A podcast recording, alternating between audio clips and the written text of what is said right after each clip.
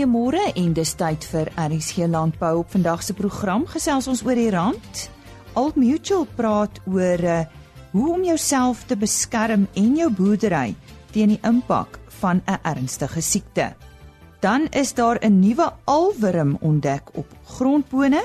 SA Stamboek praat oor genomika en aan die einde van vandag se program beroepsjag vir gestremdes. Bly ingeskakel. Eers dan die woord vir oggend Frans de Klerk. Hy is 'n onafhanklike tegniese analis. Hy het gisteroggend op RC Landbou oor die wit mielieprys gesels en vanoggend fokus hy op die rand. Ja, wel kyk ons het ons het ons het nou rukkie teruggesels. Ehm um, wat natuurlik nou beteken ons het nou miskien 'n paar lekker gesels sessies gemis wat die rand nou vir ons gemaak het. Die rand het ook 'n amper mens kan sê 'n konsolidasie gehad vir 'n lang periode. En die rand se teiken was gewees 1440. Nou hy amper kan jy sê dis nou teenoor die dollar. Hy het so net te skandaal vanaf 'n bietjie begine versterk en ehm um, hy teen hom geslaan en daarvan versterk, maar ongelukkig as ek nou na die langer termyn grafiek kyk, dan sien ek die 40 week bewegende gemiddelde wat weer die langtermyn gemiddelde lê op R13 en 26 en dit sê vir ons duidelik dat die rand baie beslis in 'n verswakkende tendens is. Nou terwyl die rand in 'n verswakkende tendens is, beteken dit as hy be, as hy bo 14.40 gaan, kan hy dalk so sleg gaan soos 14.78. Ek dink net ons moet iets onthou dat die rand het skielik baie verswak. En as die rand kan begin onder 14 rand teenoor die dollar kom, kan ons dalk daai wonderlike versterking kry wat hom weer gaan afbring en dit gaan natuurlik die mielieprys ook onder druk sit. Maar ongelukkig sit ons nou 9 November Ons sê die 25ste November gaan die S&P uh, Standard & Poor ons gradeer en kyk hoe lyk ons kredietgradering en Moody's gaan dit ook doen. So dit kan die rand omkrap en dan natuurlik in Desember die groot skuif daar by die ANC wat almal gaan dophou. Maar op die oomblik as ek bietjie negatief oor die rand, bo 14.40 slegter en is onder 14 rand eers dan gaan hy begin beter lyk en dalk selfs hier gaan na 13 rand 6, uh, 13 rand 62. Dit was aan Frans de Klerk. Sy e-posadres is fdk@telkomsa.net.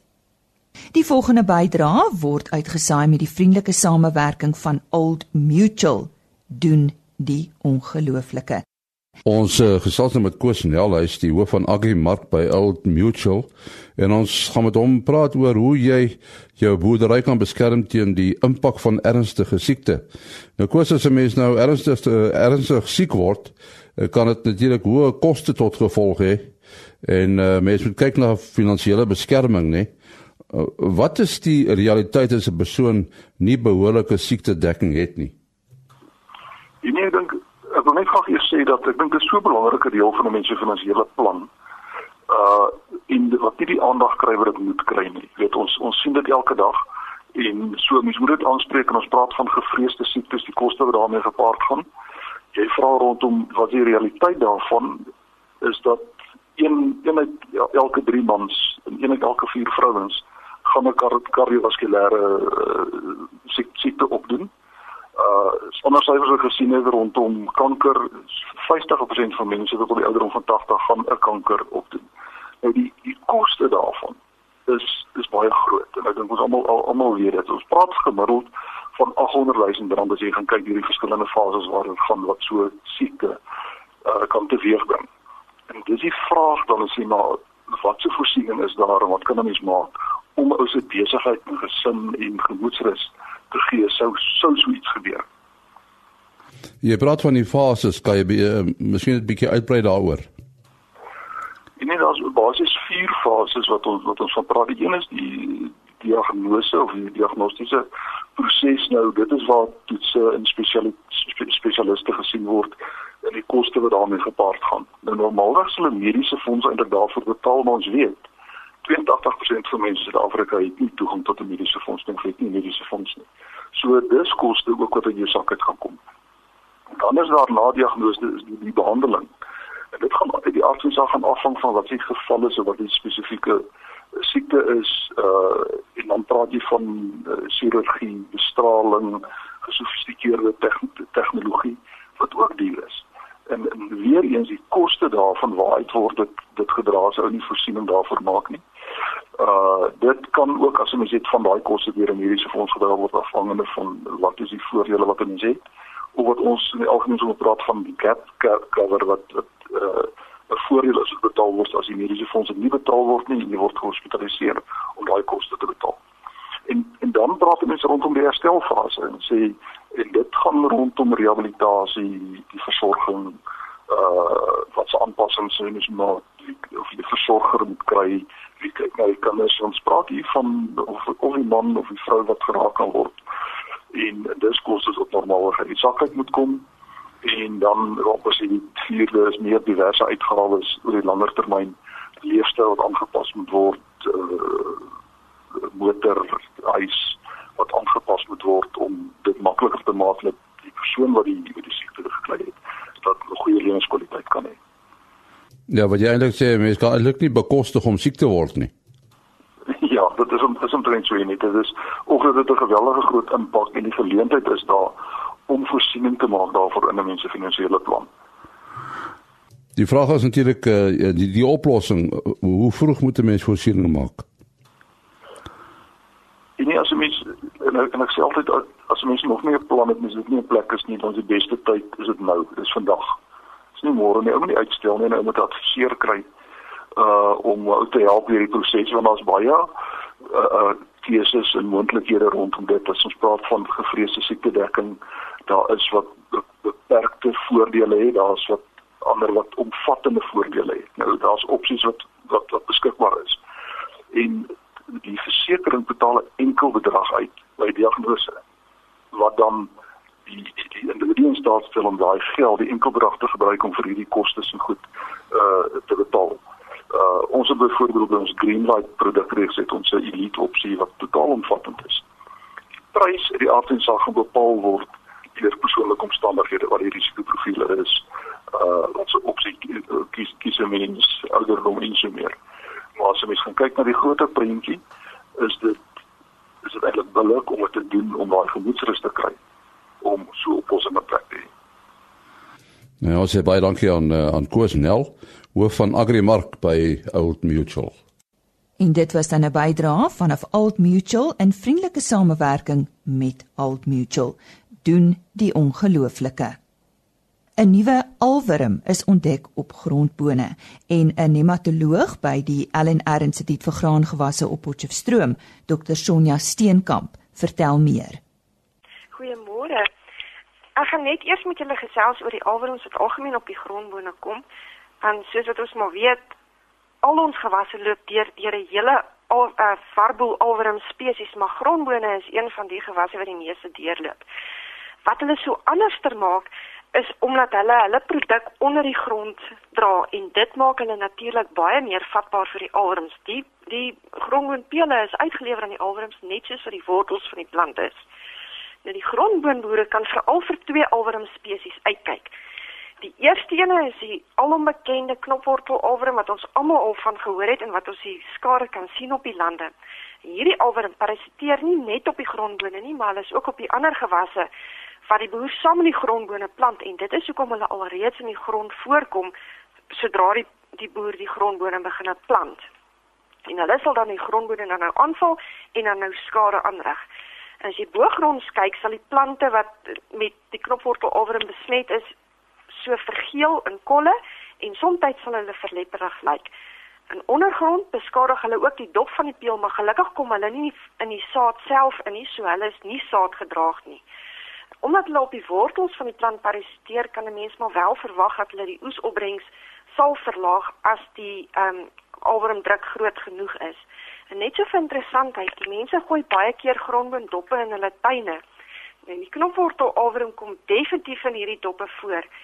So hulle kan verseker na ons tuine toe ook versprei. En as jy nou gaan groente plant in daai tuine, gaan jy verseker knopwortel alworm besmetting hê.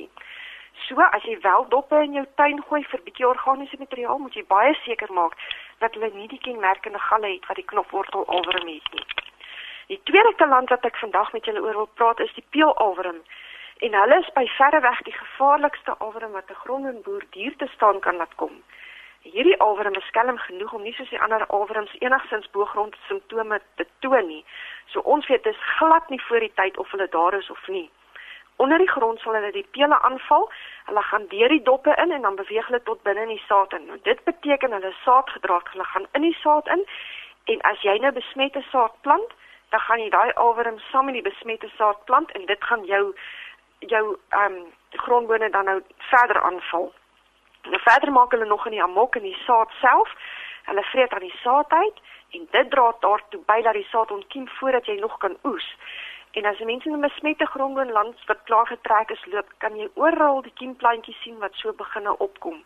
Hierdie is tipiese simptome van peelalwerm besmetting. Nou hierdie kalante is dan ook die wat veroorsaak dat die boere swak gradering vir sy grondboonbesending kry, want al die skade wat hierdie alwerm aan die saad aanrig deur op die saadheid en die embrio te voed, veroorsaak dat die sade sulke donker are het en verkleur en hulle lyk dan sommer net onooglik en dit is hoekom die gradering dan nou so laag is.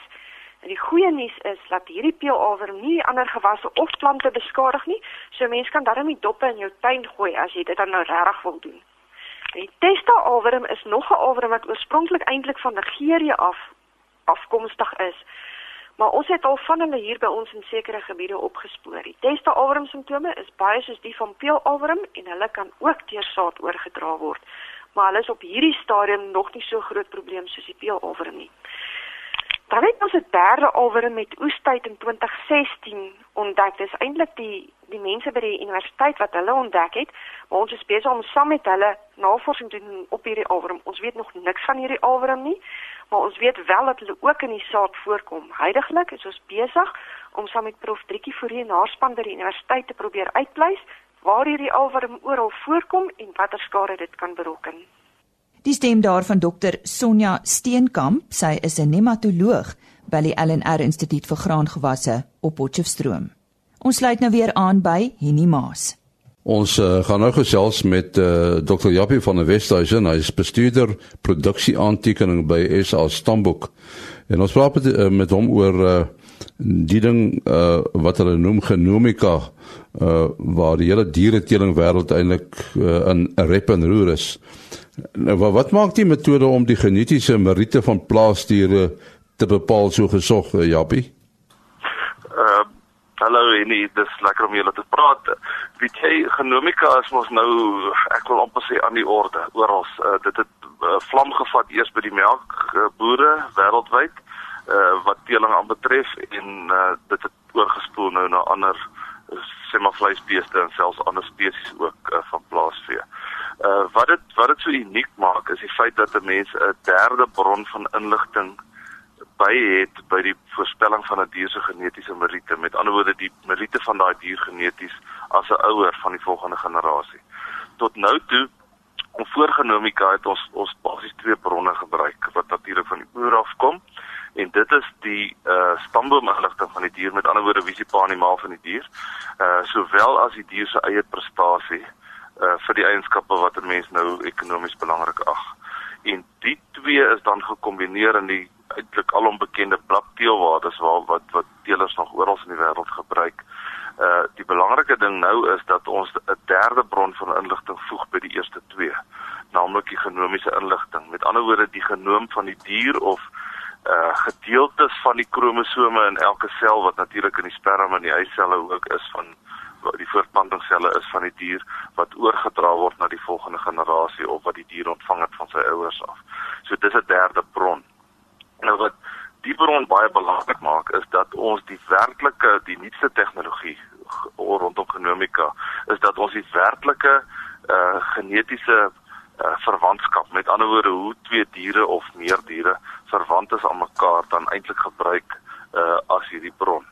Uh as jy uh eers begin met met 'n stelsel en jy jy probeer 'n verwantskap kry tussen die dier se genetiese waarde met ander woorde sy blapteelwaarde en dit wat op sy genoom is en dis bekend en jy doen dit met 'n klomp diere en jy het nou 'n nuwe jong diertjie wat jy oorweeg as 'n moontlike ouer uh en jy gebruik daai addisionele inligting dan weet jy aardhy om dit nou maklik te stel aardhy meer na 'n dier wat geneties goed is of na 'n dier wat geneties swak is. En daai bron van inligting word dan gebruik uh om 'n baie meer akkurate voorspelling te maak van die dier se genetiese meriete Nou is daar is daar vleisbeeste rasse wat uh, uh begin het om om jy weet hulle diere op hierdie manier hieraan genomies te toets?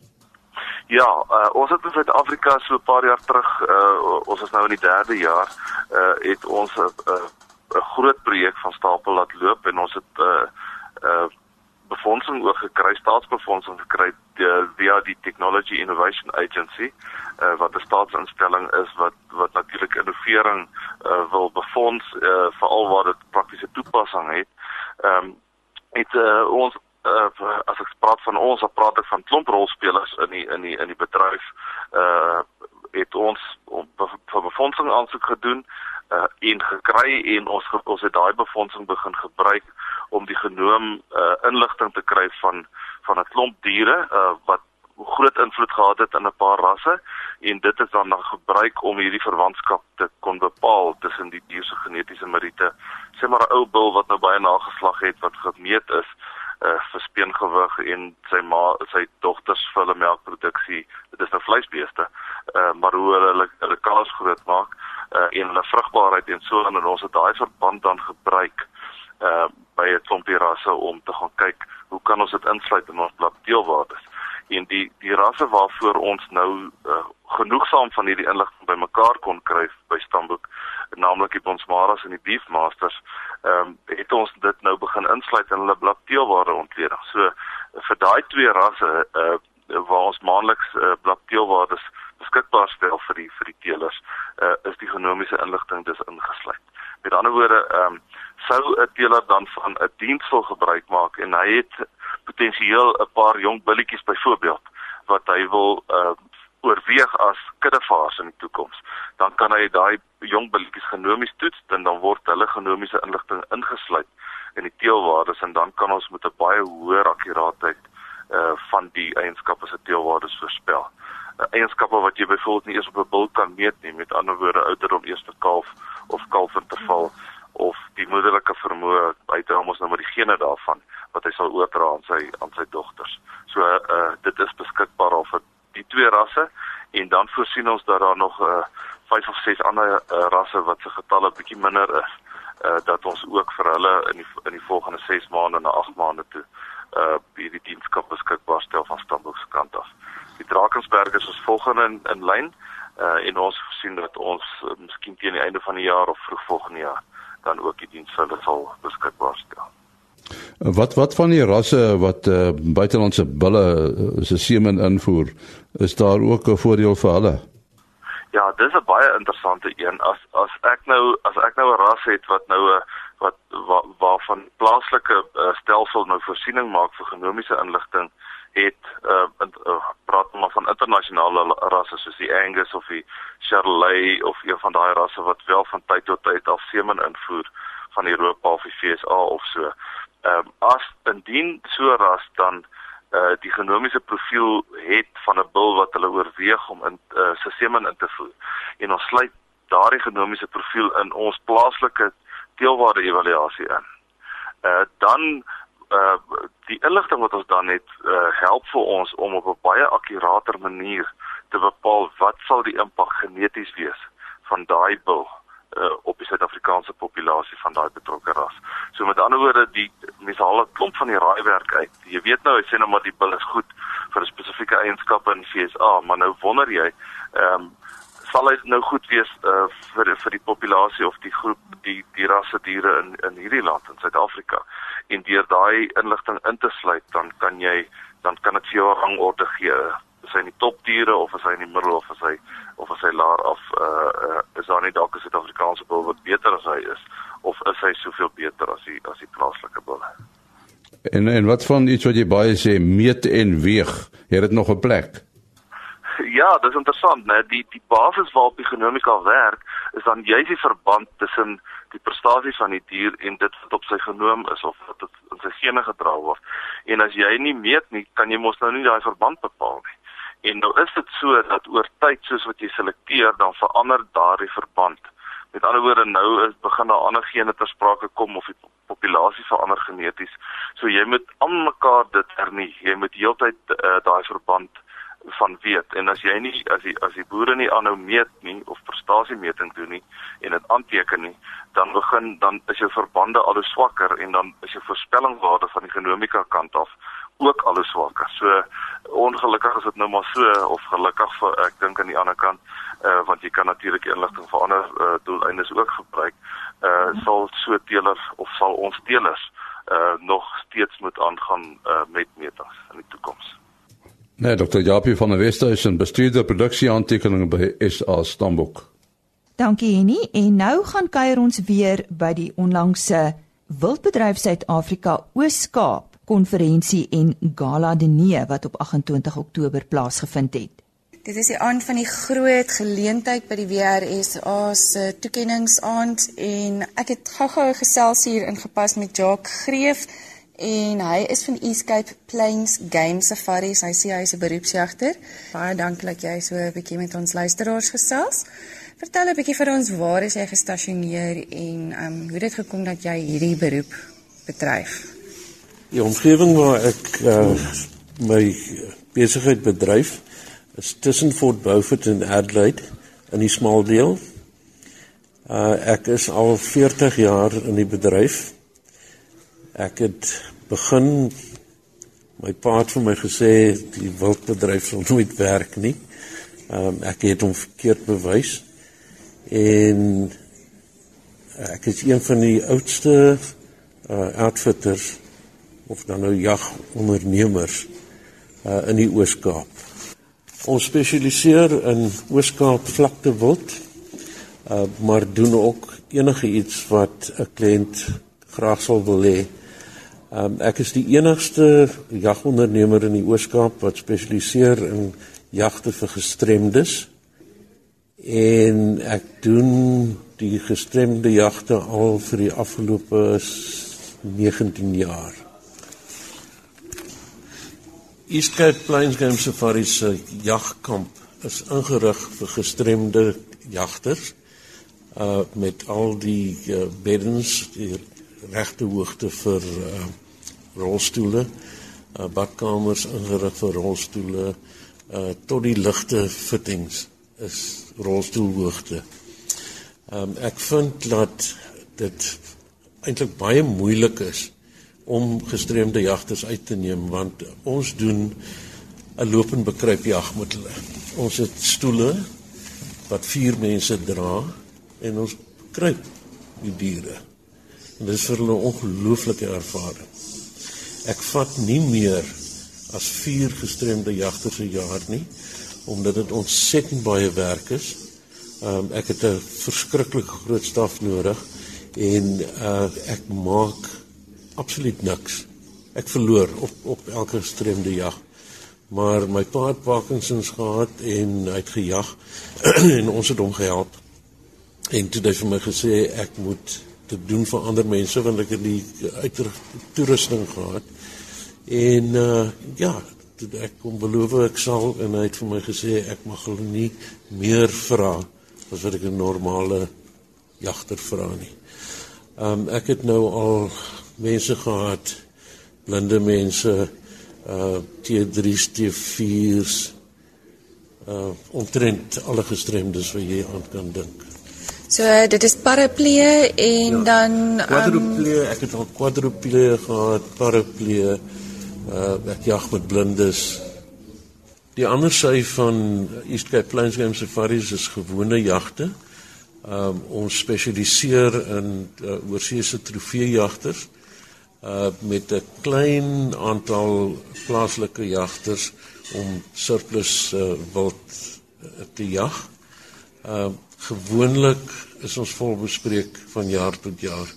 Daar is uh gelukkig uh af en toe 'n plekkie en die uh, gedeelte wat, wat wat ons afvat vir gewone jag is normaalweg saam met uh, professionele jagterstudente want uh, ek is een van die 9 skooldirekteure wat professionele jagterskool aanbied. Daar's twee professionele jagterskole in die Oos-Kaap en uh, 9 in die land en dit is ontsettend moeilik om uh, aan die kriteria te voldoen om 'n skooldirekteur te word enige een wat belangstel in die bedryf of om 'n professionele jagter te word, kan na my webtuiste toe gaan en my gerus kontak. Uh www.eastcapesafaris.com East Cape Safaris met die S. Interessante gesprek wat Karen Venter gehad het met Jacques Greef oor beroepsjag en die gestremde. Onthou môreoggend weer saam met ons te kuier vir weer waarhede onder andere en uh, dan praat ons ook met Katjana Ot. Sy is by die WRSA Ooskaap Denie aangewys as die wildteeler van die jaar. Totsiens. RSG Landbou is 'n produksie van Plaas Media. Produksieregisseur Henny Maas Aanbieding Lisa Roberts. en inhoudskoördineerder Jolandi Root.